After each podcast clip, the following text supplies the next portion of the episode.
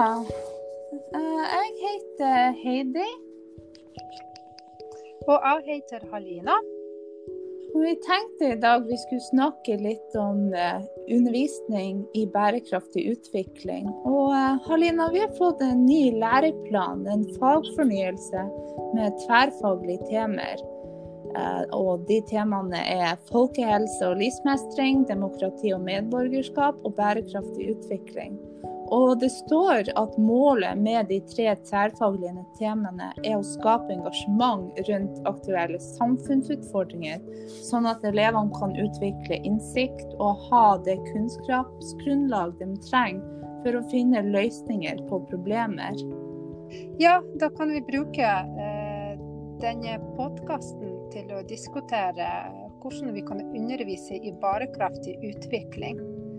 Ehm, vi kan si at bærekraftig utvikling kan deles i tre områder. Det er klima og miljø, økonomi og sosiale forhold. Ehm, I dag skal vi fokusere på økonomi i vår podkast. Det skal handle om eh, matte og bærekraftig utvikling. Og det økonomiske området kan være en naturlig del av matematisk undervisning da det kan berøre kompetansemålene inne i matematikken. Men kan du si litt mer om den økonomiske aspekt? Hva det handler om? Eh, økonomiske aspekter av bærekraftig utvikling handler om å minke fattigdom, vurdere rettferdig fordeling av ressurser, vurdere nasjonal og global markedsøkonomi og ta hensyn til arbeidsvilkår og inntekter. Bærekraftig utvikling innen det økonomiske perspektivet handler også om å sikre folks økonomiske trygghet. Ja, Da er det klart at det er relevant, men vi må komme på noen eksempler på hvordan det kan knyttes til matematikkfag.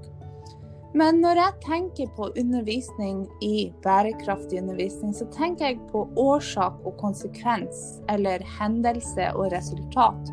Og det minner meg veldig om algoritmisk tenkning, da de tverrfaglige temaene skal få i gang problemløsning.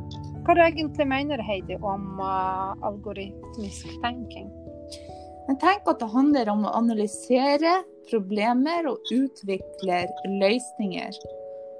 Og Det er derfor jeg tenker at det økonomiske aspektet av bærekraftig utvikling krever algoritmisk resonnering. Og den type resonnering begynner vi med i skolen allerede fra første trinn, med f.eks. stigespill. Med stigespill så er det antall steg som gir resultat, og som gjør at vi nærmer oss mål og vinner. Og den som kaster terning og fikk flest steg, det er dem som vant. Så det handler om å få flest mulig steg på hvert kast. Og det kan relateres til energibruk. F.eks. målet er å få mest mulig energibruk, bruk, energi eller flest kilometer på minst forbruk eller minst antall liter drivstoff. Oh ja, så det du sier Heidi, er at eh, gjennom å analysere tall, så kan elevene få innsikt i årsak og konsekvenser? Ja, det stemmer. Det tror jeg nok.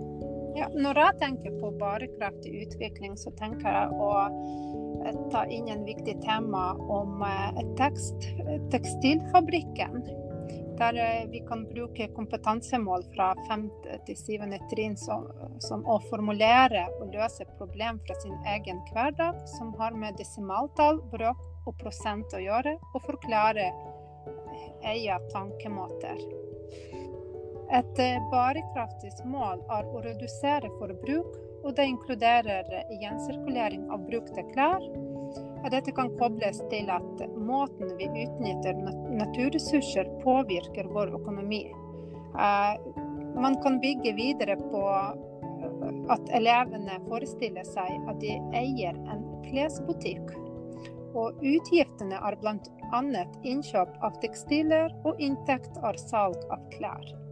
Elevene kan formulere mulige løsninger som bidrar til både reduserte utgifter på tekstiler og bærekraftig utvikling ved at butikken tar imot brukte klær og resirkulerer dem.